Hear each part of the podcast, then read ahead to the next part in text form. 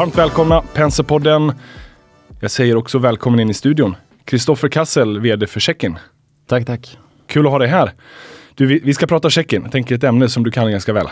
ja, förhoppningsvis. Ja.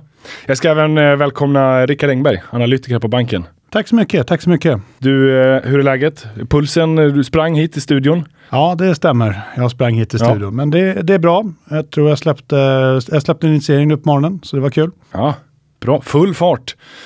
Eh, men du, vi gör som så här. Check-in. Eh, du har ju varit med här i Penserpodden sedan tidigare. Så några lyssnare känner igen dig. Men det kanske är några nya lyssnare också. Så ska vi bara ge dem lite background story. Vad, vad är tanken bakom check-in när ni drog igång det? Ja, precis. Bakgrunden till checken är egentligen att vi, vi ser att det är ett problem på internet hur man känner igen slutanvändare eller kunder. Hur du lo- eh, signar upp, hur du identifierar kunder, hur du loggar in. Alltså att förstå vem är på andra sidan skärmen. Det är ett stort problem på internet. Så vi startade för drygt sju år sedan en SaaS-mjukvara som våra kunder använder i sina appar och hemsidor för att förenkla hur man identifierar slut, slutanvändare. Och det är framförallt då kunder eh, som har verksamhet i många länder. Om du har slutanvändare i 50 eller 100 länder så blir det här väldigt mäckigt att, att eh, få till helt enkelt. Eh, så att vår mjukvara gör det enklare för våra kunder och enklare för slutanvändaren att, att bli kund så att Ja. säga.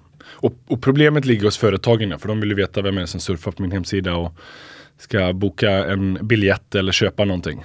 Ja, dels är det att man vill göra det för att det är bra för sin egen verksamhet. Men det finns också ett ganska starkt regleringstryck. Ja. Så att många branscher, om det är finanssektorn där vi har många kunder eller resebranschen där vi har kunder eller eh, reglerade spelbolag. Eh, de måste se till att de vet eh, vilka sina slutanvändare är. Ja, och precis. De måste ju veta mer än bara den här mailadressen. Alltså det är lätt att, att signa in med Google. Men då får du ju bara i princip en mailadress och kanske någon generisk demografisk information. Exakt. Men, men då, och, och det, det som är eran USP då är ju att ni har den tekniska kompetensen för olika länder och marknader. Så varje enskilt bolag behöver inte sitta och koppla upp sig mot lokala myndigheters regulatoriska krav och sådär. Nej, precis. Det handlar ju om att göra det här i en global kontext. Och det är dels att bygga ihop och koppla ihop de pusselbitar som finns. Men vi har ju också en väldigt stark mjukvara i kärnan där vi har Eh, ett par patent nu och där vi är duktiga på att optimera användarupplevelsen. Eh, så att varje kund får den bästa upplevelsen för sig själv. Att det blir enkelt helt enkelt. Det blir, eh, det blir, blir smärtfritt och därmed så hoppar kunderna inte av processen i lika stor utsträckning som annars. Och kundbasen för er, den är ju ganska internationell. Det är inte, det är inte liksom bara svenska bolag som säljer internationellt, utan också internationella bolag. Vad, är det liksom för eller nackdel att ni utgår från Sverige då? Ja, huvudkontoret är ju i Sve- Sverige om man säger, men vi, vi sitter faktiskt i 15 länder. Så Ja. bolaget som sådant är väldigt utspritt eh, från början. Eh, och sen vi valde att tänka så globalt från början. Eh, och det har ju för och nackdelar, men, men det är det som har möjliggjort på något sätt att få in de här stora internationella kunderna som, som vi har. Att vi har inte ett Sverige-fokus, utan vi har ett globalt fokus. Och de vi jobbar med, våra kunder, har nästan alltid också det så att säga. Eh, så att, nej, det har varit en styrka tycker vi och eh, Norden står för under 10% av slutanvändarna hos oss. Ja, just det. Och då är det användarna, alltså individ, headcounts typ. Hur, hur många användare har ni? Vet ni det? Eh, nej, det handlar om miljontals Ja. i månaden som använder vårt system. Ja. Det, det är rätt många. Och då är ju eh, resebranschen har varit en stor sektor, men fintech och finansbolag och bettingbolag är även de ganska betydande. Finns det liksom fler sektorer ni kan växa inom eller finns det mer att gräva där? Nej, men det här problemet som jag beskrev, att man inte vet vem som är på andra sidan skärmen. Det är ju, som sagt ett grundläggande problem på internet. Och det är massa branscher som har behov av att lösa det här problemet. Så att vi har Eh, kunder i, jag tror att det är ungefär 20 olika industrier. Vi klassificerar dem som någon sorts other i årsredovisningen. Så att det är en väldig bredd också. Eh, de här sektorerna vi pratar om, det är där vi har haft lite bättre genomslag hittills. Då. Men vi tror ju att, att mjukvaran kan användas väldigt brett och vi tycker den kundmix vi har visar på det. Ja, just det. Och, och varför väljer kunderna er för eh, konkurrenter? Vilka Ja. konkurrenter finns? Ja, nej men man kan börja med att, eh, hur ska jag säga? grunden är, det, vi ligger rätt, vi har det här problemet som sagt. Ja. Vår mjukvara löser det problemet väldigt bra. Och varför gör vi det? Det är för att vi investerar väldigt mycket i forskning och utveckling. Vi har gjort två tekniska förvärv ja, för två år sedan eh, ungefär, som vi har integrerat väldigt fint i mjukvaran. Så vi har en teknik som är, som är ledande på marknaden där vi också tar ett bredare grepp än... Det finns, så att säga, det finns konkurrens inom vissa delmoment. Till exempel den här viktiga biometrin som vi kommer att prata mer om tror jag. Men, men det finns konkurrenter inom delmoment men vi har en bredd som, som vi är ganska ensamma om. Där vi tar hand om kunden från att man säger jag vill bli kund tills att du är helt identifierad, uppsignad och inloggad. Eh, men det handlar ju om att utvecklar vi bra teknik, bra mjukvara som fungerar så kommer vi få flera nya kunder och de kunder vi har kommer att öka sin användning med oss. Och drar man det ett steg till så är det tack vare liksom det team vi har och det, de personer inom bolaget som, som sitter och utvecklar och, och bygger mjukvaran. Ja, just det. Hur många är ni på Checkin nu? Vi är ungefär 60 personer. Oj, det är inte mer? Nej. Det är ju ja, det är imponerande. Men och, liksom, hur ser konkurrenssituationen ut? För jag förstår att det, det är ett problem på internet och det är inte man tänker sig de här stora, Google och Facebook och kanske Microsoft och Apple har sina enkla lösningar. Men finns det fler sådana lite mer teknikkunniga som er? Ja, man kan ju säga att, att det här är ett problem och att det här måste förändras. Hur man, ja, bara en sån sak som hur, hur du identifierar dig eller hur du loggar in. Att, att man fortfarande använder lösenord på nätet i stor utsträckning. Det kommer ju förändras. Och det är väldigt många som har insett att det här kommer att förändras. Så det finns ju mängd olika tekniska lösningar, men det är väldigt fragmenterat. Det är också så att få av de lösningarna fungerar internationellt. Och som jag sa, vi jobbar ju framförallt med reglerade branscher. Där är till exempel Facebook eller eh, Google sign-in, det är inte det problemet riktigt. Det är att vi ska, okej, okay, få en e-postadress eller sådär. Men att verkligen förstå, är det här Rickard eller är det någon annan? När är han född och så vidare. Och verkligen förstå identiteten av en användare. Eh, där finns det ganska få lösningar som är breda. Som tar den här globala approachen och som, som täcker alla steg. Men som jag sa, inom framförallt biometriområdet och det handlar om att du använder din, din kamera för att ta en bild på ditt körkort eller ID-kort. Eh, ta en selfie, man jämför, man går igenom lite steg kring det. Så biometrisk identifiering som är ganska skulle säga ganska effektivt internationellt. Det fungerar i många länder och, och det är effektivt. Där finns det konkurrens eh, som vi då tycker vi ligger långt före och det visar sig väl förhoppningsvis i de kunder vi, vi har lyckats ta hittills och som vi hoppas ta framöver. Man kan tänka lite så att här i Sverige är vi väldigt borta och har en ganska universal lösning i form av BankID för att till exempel öppna ett konto på Unibet. Medan jag har ju genomgått den processen i andra länder, eller bett, bett bekanta att göra det. Och det, det tar lite längre tid. Ja, ja exakt. Nej, men man kan ju säga, som svensk är det svårt att förstå kanske att det här är ett problem eh, egentligen. tack vare då BankID och personnummer som vi har i Sverige. I många länder, även alltså, som man tycker är långt framstående. Ta Tyskland till exempel. Det finns inga personnummer ens. Börja där. Eh, eller Frankrike sådär. Så att, det är, det är ett problem som, som, som är långt ifrån löst. Ja. Eh, dessutom så ser man problem med BankID i Sverige, men det är en längre diskussion. tror jag. Mm. Men, men, en form av konkurrent är ju också att de gör det själva. Och, men där borde det vara lätt för er då över tid att bara övertyga dem om att Ja, det är nästan främsta konkurrenten skulle ja. jag säga. Det är nästan alltid så att eh, när vi pratar med våra kunder så är alternativet att de har funderat på att sitta och bygga ihop det här och försöka fnula ihop det på egen hand. Och där är ju vår lösning tacksam för att det blir billigare för dem. De behöver lägga mindre pengar på att utveckla det här. Det blir mer effektivt och bättre. Så att det är egentligen alla delar ja. fördelaktigt och därför så, så, så tror jag att vi har växt så, så snabbt som vi har gjort. Ja. Och, och, hur är er intäktsmodell? Det är en ren SaaS-lösning så att de betalar en månads prenumeration för att ha tjänsten?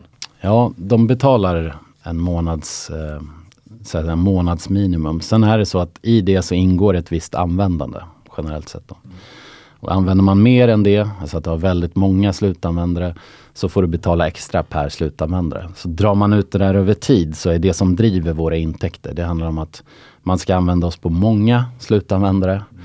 och dessutom använda många moduler, flera steg av vår mjukvara. Då ökar vi intäkterna också. Så att kundresan är ofta så att vi får en ökning av antalet slutanvändare. Man rullar ut oss på en större del av det vi kallar share of check-in. Alltså hur stor del av alla kunder eller slutanvändare använder oss på. Och också att man använder fler steg. Eh, fler, alltså djupare identifiering eller fler, fler moment.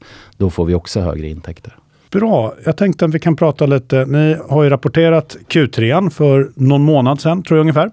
Och det som sticker ut nu de senaste kvartalen har ju varit den här väldigt kraftiga tillväxten eh, ni har sett ifrån eh, ett, ett ledande bolag inom, inom resebranschen. Och jag tänkte, kan vi prata lite om den här tillväxtresan på just, på just den här kunden? Hur det började och hur det har utvecklats nu, framförallt i år, där man ser att tillväxten har verkligen exploderat och vi har nått viktiga milstolpar inom ARR. Ja men verkligen. Det här är ju ett flygbolag som är ett av Europas största och egentligen ett av världens största i antal resenärer. Och de började använda vår mjukvara eh, för biometrisk eh, identifiering för ungefär två år sedan. Och som med många sådana här Enterprise-kunder, de största kunderna, så tar ju det här tid. Alltså det, hur ska jag säga, man går inte från 0 till 100 vid kontraktskrivandet, utan få till ett avtal, det är ganska lätt. Mm. Eh, utan det handlar om att öka användningen som vi sa då, att de använder oss på fler av sina slutanvändare och använder fler moduler. Så de har egentligen haft en relativt låg användning under, om man säger första kanske 12 månaderna. Sen har de sett att ja, men det här funkar ju verkligen. De har också sett fler användningsområden om man säger internt och sett att det här är ett stort värde av att vi rullar ut på fler av våra resenärer. Eh, så de har då framförallt under hösten här, sensommaren, hösten, rullat ut oss på fler, fler, fler resenärer, fler flygplatser, fler, eh, fler use cases. Samtidigt som de då har använt ytterligare moduler av vår mjukvara. Och det har gjort att vi har fått en väldigt kraftig tillväxt från den här kunden. Då. Så att vårat Net Revenue Retention som är ett viktigt mått på hur kundstocken utvecklas eh, låg på 173 procent här Eh, Eh, last 12 months, eller senaste 12 månaderna. Så att det är ju, vi har haft en väldigt stark utveckling från den kunden och vi hoppas ju på att det ska fortsätta och att vi kan utveckla den kunden ytterligare. Vi ser potential för det, vi jobbar tätt tillsammans med dem.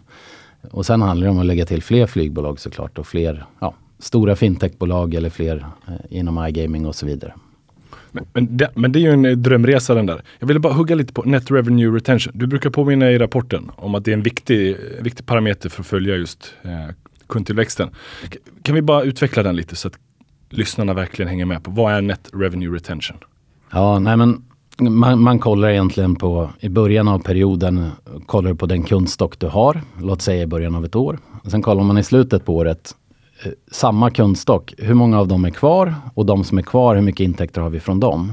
Och det innebär ju att om du har en NRR-tal över 100, då växer kundstocken med dig över tid.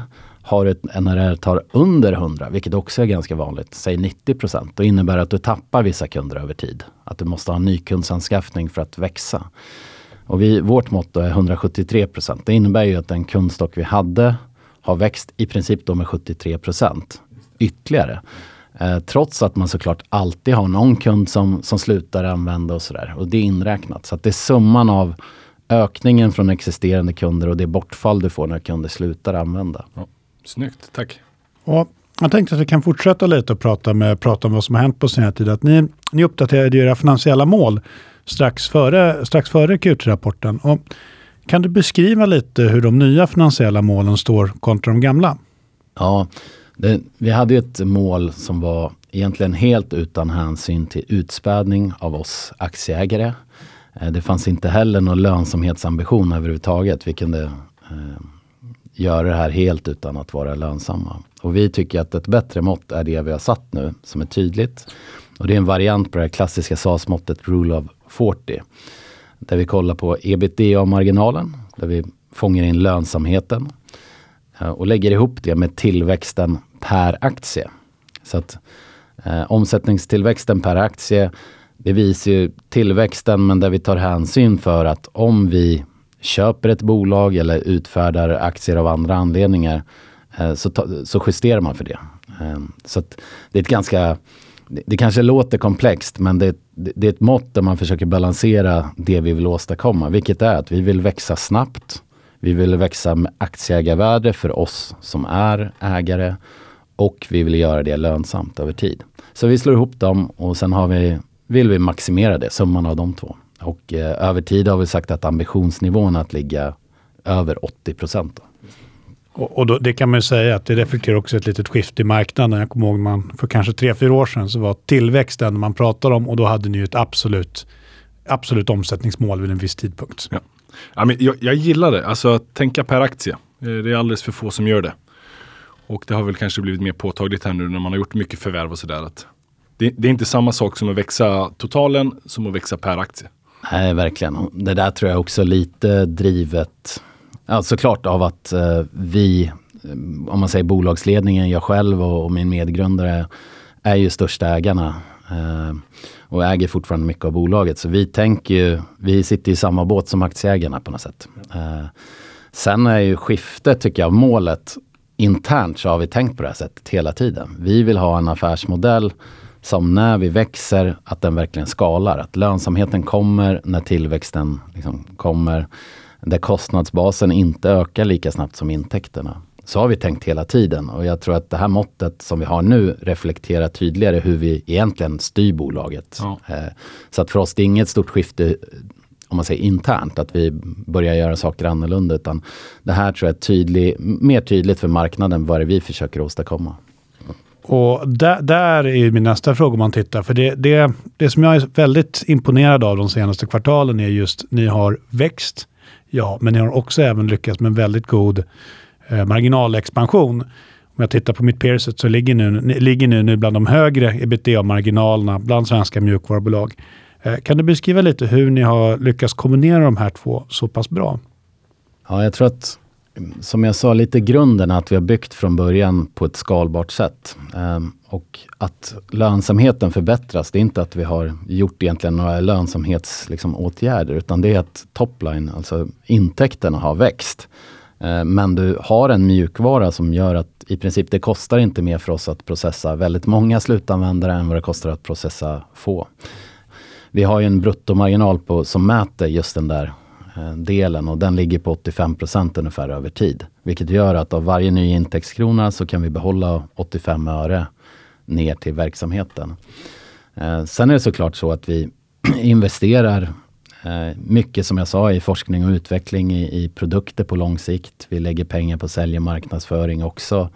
Men procentuellt så, så planar ju där ut på något sätt. Eh, och det skapar en lönsamhet. Och det är den skaleffekten vi ser nu då. Precis. Och där som en liten följdfråga, det har väl framförallt att göra med att den växt väldigt snabbt de senaste kvartalen. Men jag har, jag har noterat att marknadsföring som en del av omsättningen har kommit ner något. Vi kan prata lite kring det, vad, eh, vad orsaken är. Att fokus har varit på att växa på befintliga kunder och det, bara, men, och det är en funktion och att egentligen att topline har vuxit så mycket. Ja, precis. Det är delvis då som sagt en effekt av att när intäkterna kommer så laggar det där lite. Eh, helt enkelt, så procentuellt blir det lägre. Men det är också så att vi tycker att vi har vi gjorde ett skifte för ungefär ett år sedan där vi fokuserar på de absolut största kunderna. Den här eh, Enterprise-satsningen. Eh, och det gör att vi, vi tycker vi kan använda marknadsföringsbudgeten och säljbudgeten mer effektivt. Så att vi tycker vi satsar kronor där vi ser att vi får bra, bra avkastning på de satsningarna. Så, så att vi har hamnat lite under den långsiktiga guidningen. Vi har ju sagt runt 25 procent tror jag man ska se över sikt. Och det är väl fortfarande, tror jag, eh, någonting man ska förvänta sig. Men just nu ligger vi lite under för vi tycker vi får en effektivitet i det vi gör. Bra och utmärkt. Och vi kan bara prata lite kort om att i Q, Q-rapporten så pratar ni lite, lite om en ny global fintech-kund. Kan ni bara berätta lite hur ni har arbetat med den här, här lite kort över då kvartalen? Eh, nej men precis, det, det var ju en kund där vi eh, började med en pr- proof of concept och det här är ganska likt hur vi har jobbat med många, inklusive det här flygbolaget. Man börjar med en proof of concept, när den perioden när man har testat mjukvaran, efter det ingår man, eh, går man in i någon sorts avtalsfas. Och att eh, få till avtal på den här nivån kräver, det är ganska många steg att gå igenom. Det är inte bara en säljprocess utan motparten går ofta igenom allting. IT-säkerhet, produkten, ja, egentligen alla delar, compliance-delar, legalt och sådär. Så att det är en ganska, ofta ganska seg process att ta sig igenom om vi ska vara. Men där vi fick till ett avtal i, här i, i mitten på året eh, och nu är vi precis i, i i stånd förhoppningsvis att gå in i en intäktsgenererande fas. Helt enkelt att de använder det på sina slutanvändare i produktion eh, fullt ut. Och jag sa ju Q, Q3 här att vi hoppas på det här det här kvartalet och det är väl en förhoppning som kvarstår. Men, men kan, kan, du ge lite ytterligare utveckling hur lång införsäljningsprocessen är? För, så man förstår även för framtida kunder. Ja, nej men jag har sagt det innan, någonstans runt, det är snarare liksom 6 12 månader än 6 12 veckor. Ja. Och där är just att, som jag sa, att införsäljningsprocessen slutar inte med att skriva ett avtal. Det är nästan tvärtom. Det är, det är ganska lätt. Det börjar där. Det handlar om att få dem att verkligen använda mjukvaran. Använda det på bred front, utveckla. Så att räknar man med den perioden när vi så att säga uppförsäljer, eh, då handlar det om flera år egentligen. Och det kan man ju se på, på, på flygbolaget som vi jobbar med och på flera andra kunder vi har. Eh, så att, och det tycker vi har varit, varit ganska duktiga på, att bearbeta och, och liksom fortsätta säljet eh, över tid. Ja, bevisa nyttan av produkten kort kort. Uh, och avslutningsvis tänkte jag prata om en liten annan sån här kund som ni har skrivit om tidigare, nämligen Play, Playtech. Och kan du bara beskriva Playtech? Det kanske inte är det mest kända namnet. Och hur har arbetet gått med den här motparten? Mm. Playtech är ju världens kanske största iGaming-plattform. Uh, så att det är en teknisk plattform som många då bolag använder. Och det är en del av vår strategi att satsa på sådana tekniska plattformar. Så att vi försöker göra det både inom iGaming men också inom andra sektorer. Rese, resebranschen eller fintech och sådär. Vilket ger en effektivare utrullning. Man integrerar sig mot plattformen och därigenom får access till, till många kunder på ett bräde. Så där har vi ett samarbete med dem eh, där vi har haft en första kund som har gått in i intäktsgenererande faser och nu kommer det fler kunder här som håller på att gå live. Och det är ganska, det är ganska kul att se att det samarbetet börjar bära frukt och att vi får in, eh, om man säger både stora och fina kunder och vi får in dem på ett mer effektivt sätt. Så att det är korta säljprocesserna men det är fortfarande inte så att det går på en dag. Nej.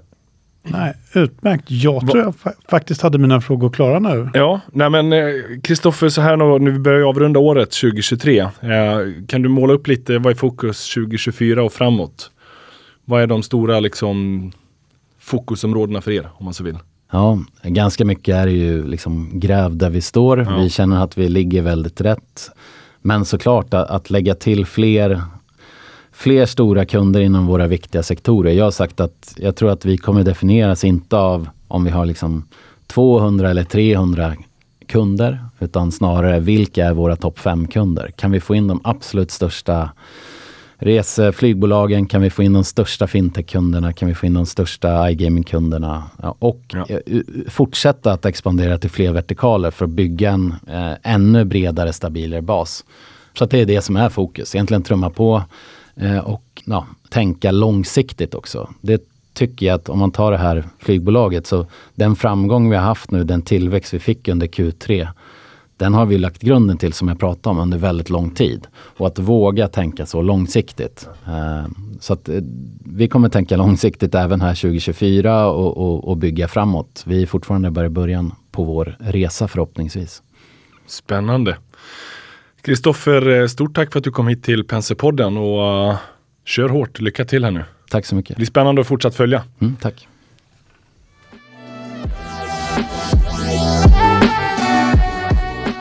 Vi rullar vidare och jag välkomnar in eh, kapitalförvaltningsteamet. Henning Wallén, Jonas Bergroth. Välkomna hit. Tackar, tackar. tackar, tackar. Du, det är så här, snön har lagt sig här i Stockholm och över Sverige och det börjar vankas årsslut och så vidare. Vi är bara november än, men, men snart, snart är vi där.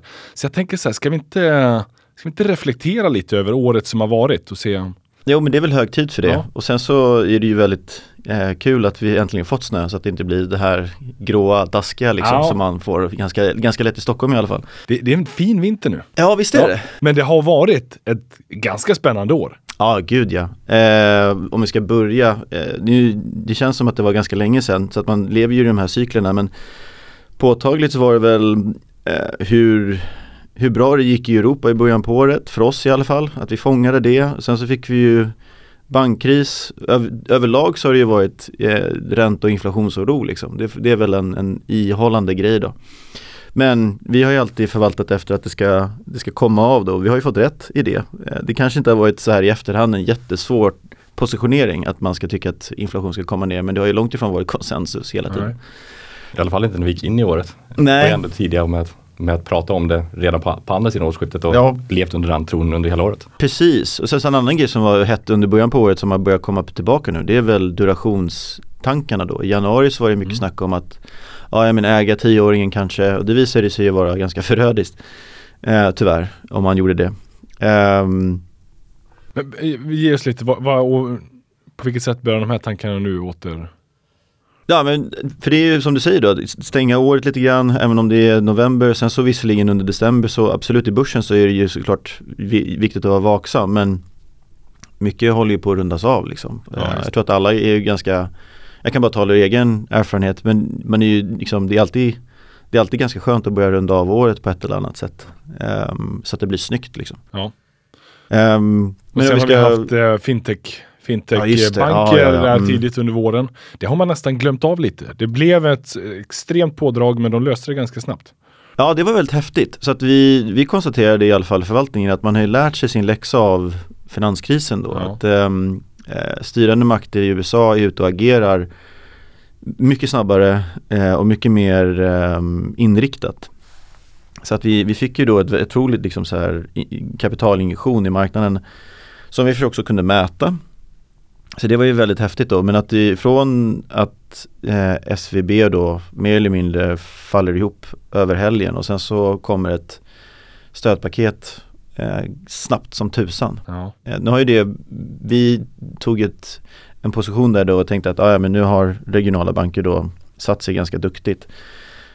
Det visade sig tyvärr liksom vara lite för tidigt men hur som helst på det stora hela så har ju förvaltningen gått, gått väldigt bra. Vi kan, vi kan dra det här lite snabbt om vi bara tittar på vår globala förvaltning då fram tills, vad blir det, för någon, någon dag sedan. Ja, kollar vi på global förvaltning så den, de Aktieförvaltning ska vara tydlig med också. Ja, global aktieförvaltning var vi upp så 17-18 procent mm. eh, när, när, index ligger på 15-16. Hållbara globala aktier eh, upp 21, något. Mm. Så att det, det är en överavkastning på ganska bra. Ja. Eh, ja, framförallt en, en grej som jag tycker man kan lyfta fram eh, vad vi har åstadkommit i teamet är att en, det är en, en sharp då, alltså riskjusterad avkastning på 0,78 tror jag det är. Ja. Vilket är väldigt högt. Ja. Um, och vad är liksom, vad är framgångsreceptet? jag tror att, eh, eller jag är nog inte ensam om det, men vad vi har pratat om i teamet mycket, det är ju då att vi har satt, vi satte en, gjorde en ändring i början på året som var strategisk då, att vi gick över från alternativa in i råvaror för vi trodde på tillväxt. Det har funkat ganska bra, eh, men vad det innebär då indirekt är att vi sänker ju skyddet i portföljerna. Då. Mm något. Eh, så att den alternativen, alternativa delen då inte ska stöta upp i perioder av svårighet. Men utöver det så är det då det taktiska arbetet. Att se då att saker och ting rullar över då. Att vi var ju till exempel då innan eh, Credit Suisse och AI-banker då som vi pratade om, det, men det här med SVB då. Innan det började falla ihop. Att då hade vi europeisk, exponering mot europeiska banker och sen så då kunde vi lyfta det eh, väldigt snabbt när vi såg att det började liksom braka ihop. Så då kunde vi stänga den exponeringen med vinst ganska bra. Så att det taktiska arbetet och att jobba med eh, den, den typen av liksom korgar eller produktexponering vi har mm. har ju liksom, tror jag, absolut varit ett framgångsrikt recept. Eh, sen så då det som verkligen har satt fart i portföljerna under året det var ju att vi prickade rätt tror jag på AI-boomen. Eh, och att vi ökade exponering mot tillväxt och teknologi eh, beroende på lite olika regim då. Eh, att vi Dels är sett då utifrån PMI, liksom PMI-mätningar att eh, det är de här sektorerna som vi bör vara i oavsett nästan om det är eller det var ju då en rebound med större delen av året men nu har vi gått tillbaka i någon typ av liksom, åtstramning av eh, ekonomisk tillväxt och att PMI-värdena är under 50 för amerikansk ekonomi. Men det är fortfarande så att det är tech som drar. Det är ja. bara att titta på bred index. Även om det har mattats av något nu fram till slutet på november att det är det är Nasdaq som drar börsen. Ja. Ehm, så det är jättehäftigt. Men det är inte, liksom, vi har ju ändå haft hanterat det här på bägge sidor då. Så vi hade ju en ränteförvaltning som var korrekt allokerade i den bemärkelsen att vi låg i, i, i enligt oss i alla fall, vi låg i investment grade då, eller, hög, eller bolag med hög kreditvärdighet för vi tyckte att det skulle kunna skaka till det lite grann.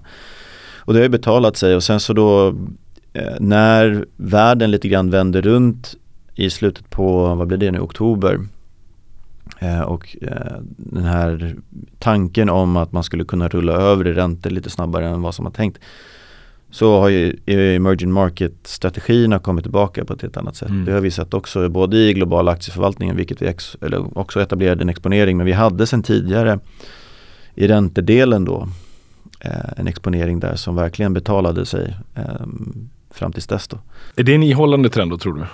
Det kan nog mycket väl bli så. Eh, framförallt om vi ser eh, en svagare dollar. Nu hade vi ju bara över natt otroliga rörelser eh, på grund av Fed-ledamöterna var ute och pratade då och att liksom korta räntebanan justerades ner ganska drastiskt.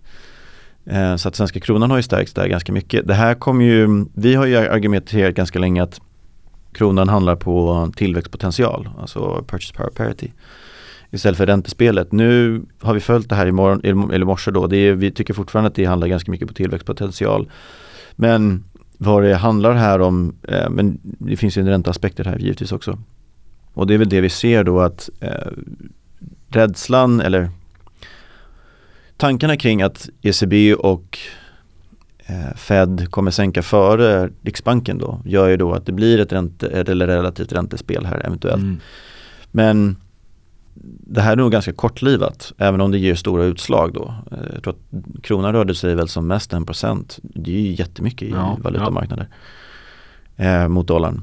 Så att eh, det, det viktiga här är väl att komma ihåg vad det är för paradigm som styr och det får vi mäta varje dag. Eh, så att man inte hamnar på snedsidan. Eh, nu går vi över i en annan skepnad. Eh, så att vi kommer väl kanske vara ute och prata mindre i, i, i etern men det, det, vi kommer ju försöka fortsätta det här arbetet eh, bäst vi kan. Då. Mm, ja. Men det är ju otro, alltså det är ju otroligt fortfarande väldigt fascinerande hur, eh, hur allting hänger ihop på ett så himla vackert sätt egentligen.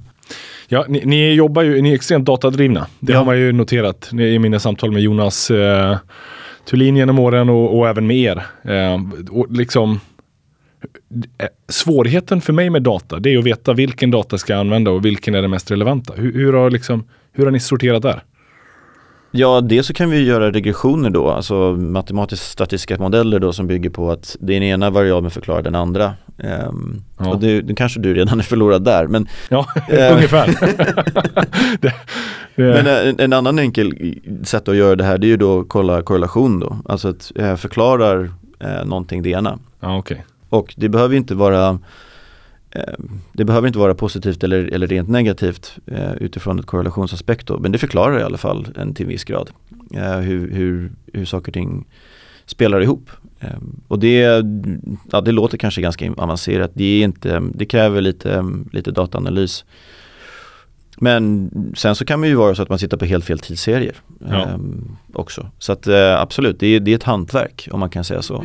Um, det, det, det, det låter som, även om jag förstår att det finns modeller som, där ni försöker mäta träffsäkerhet, så finns det ändå ett, något form av uh, ja, men en konstform i att förstå och liksom sen koppla de, de eh, regressionerna eller de analysutfallen till en verklig eh, idé och se om den håller. Eh, liksom. är, är, det, är jag någonting på spåret där?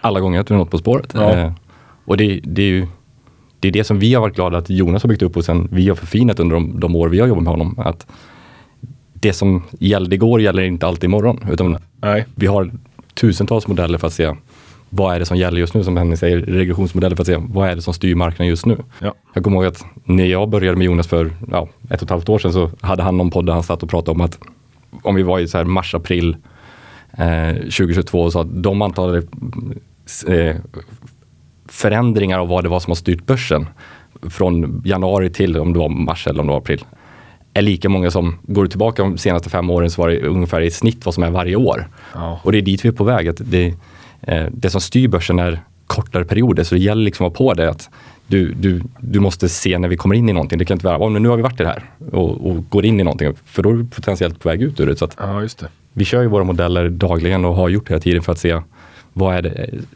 är det något som vi missar? Är det något som händer just nu? Vad, Ja. vad, vad är det som styr börsen idag? Bara för att det styrde det för en vecka sedan inte säkert gör det längre. Nej, och, och, och det kräver ju sitt mod att kunna ändra då tankegång. För som människa blir man ju ett vanedjur och man fastnar i en tanke. Man har ett narrativ som man tror gäller. Alla gånger. där för er gäller det ju då att hela tiden vända sig till, vad säger datan? Ja, och det, där är det ju lätt att ha, ha, ha datan att hålla i. Eh, Ja. jag, jag hade tyckt det var svårare om jag inte haft datan att hålla i. Att jag, jag skulle sitta där och se det själv och liksom läsa i i DE och se vad, vad, vad är det som sägs just nu. För troligen det som sägs i DE var det som gällde för en vecka sedan eller två eller en månad sedan. Ja, just det. Eh, men vi har alla våra tusentals dataserier och liksom se vad är det som händer just nu. Det, för mig och Henning och Thulin har det varit en, eh, en ynnest att ha det och hålla i för då, då, då kan jag lägga mig eh, bekvämt så på natten istället för att känna, vänta nu, tog jag rätt beslut? Hade jag underlag till det jag gjorde? Ja. Exakt. Och det måste vi bygga, inte bara för oss själva såklart, att vi vet vad, så vi har koll på vad vi pysslar med. Men ur ett rent regulatoriskt aspekt, att vi ska kunna försvara besluten vi har tagit. Ja.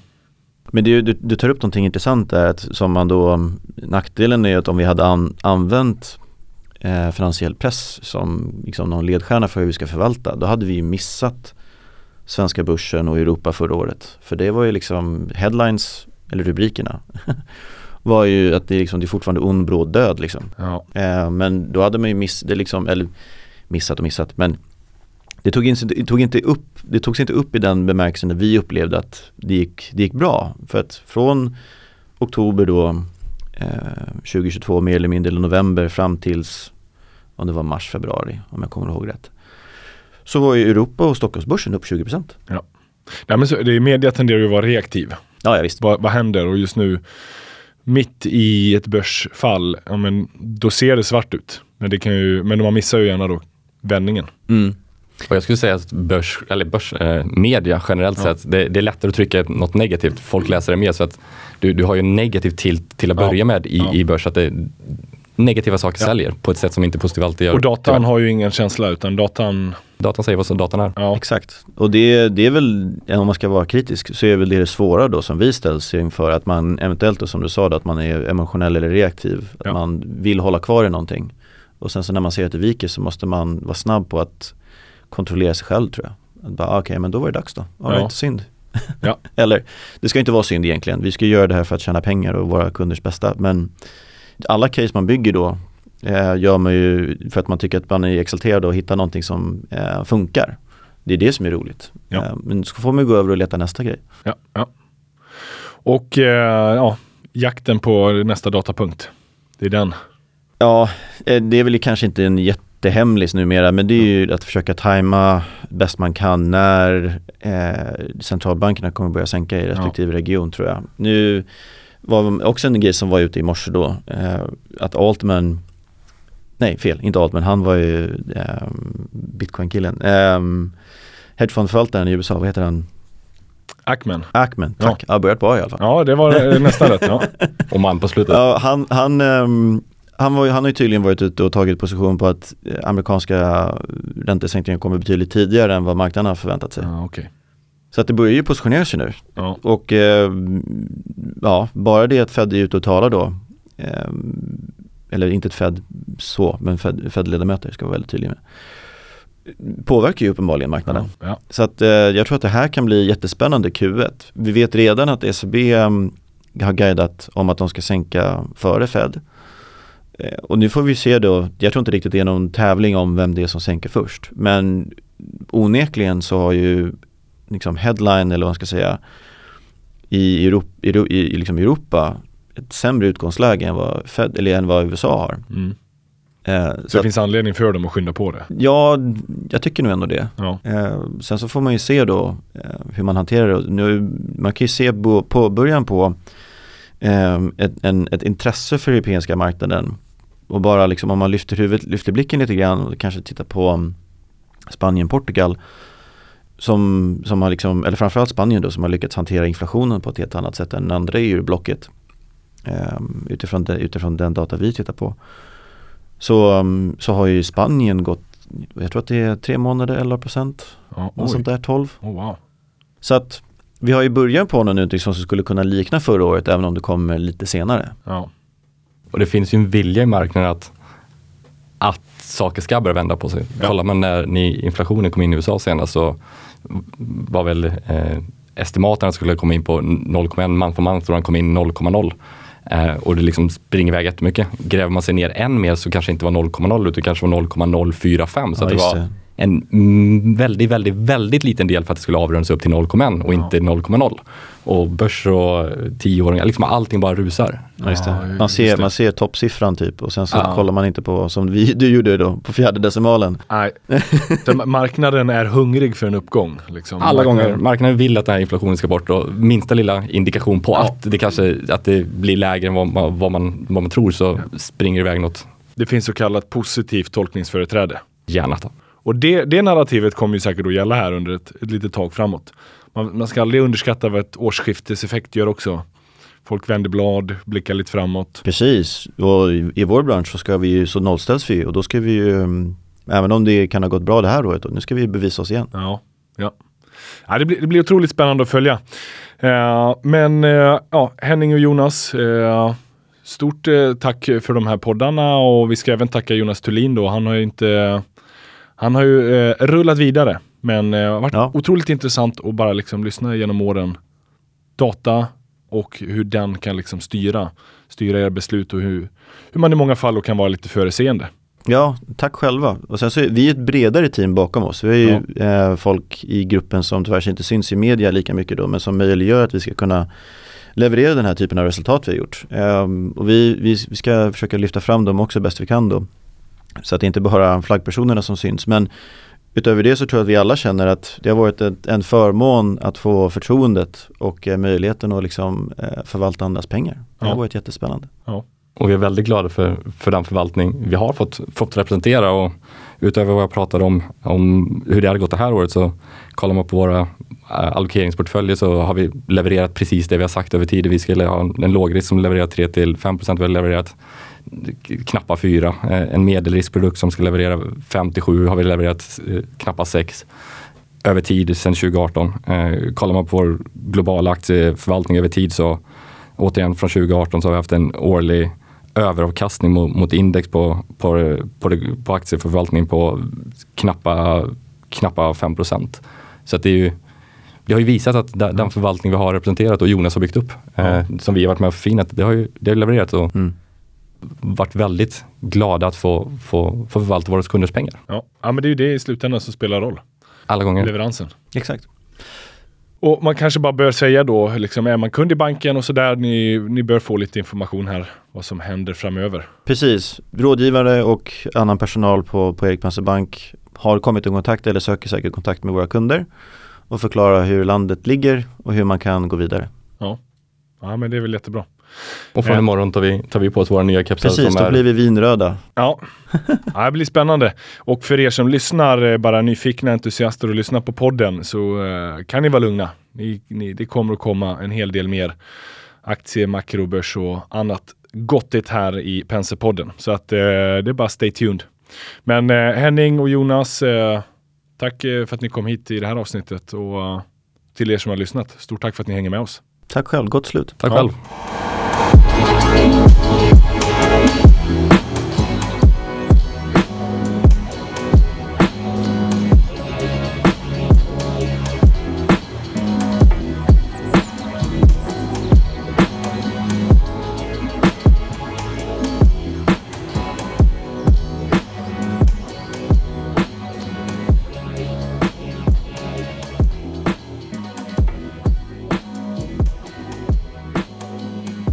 Denna podcast är utgiven av Erik Penser Bank och är avsedd att marknadsföra bankens tjänster. Vissa bolag som nämns kan därmed ha något samarbete med banken i form av fondförvaltning, analystjänster, certified advisor-uppdrag med mera.